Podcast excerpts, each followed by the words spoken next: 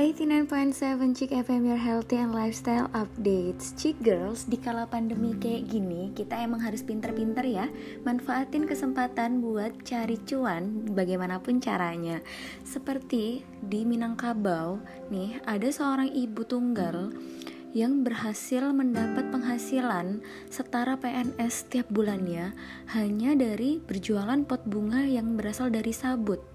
Nah, jadi, ibu yang bernama Mela ini berumur 28 tahun. Mela awalnya hanya melihat dari salah satu sosial media bagaimana sih caranya bikin pot dari sabut.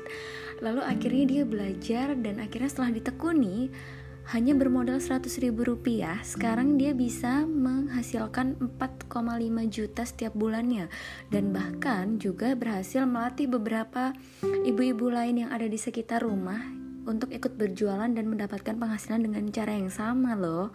Wah keren banget ya G-Girls bisa memanfaatkan kesempatan dan dapat penghasilan lebih nih.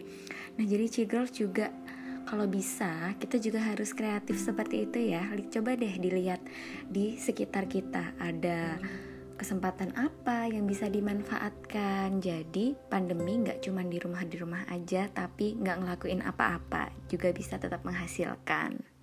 Thank you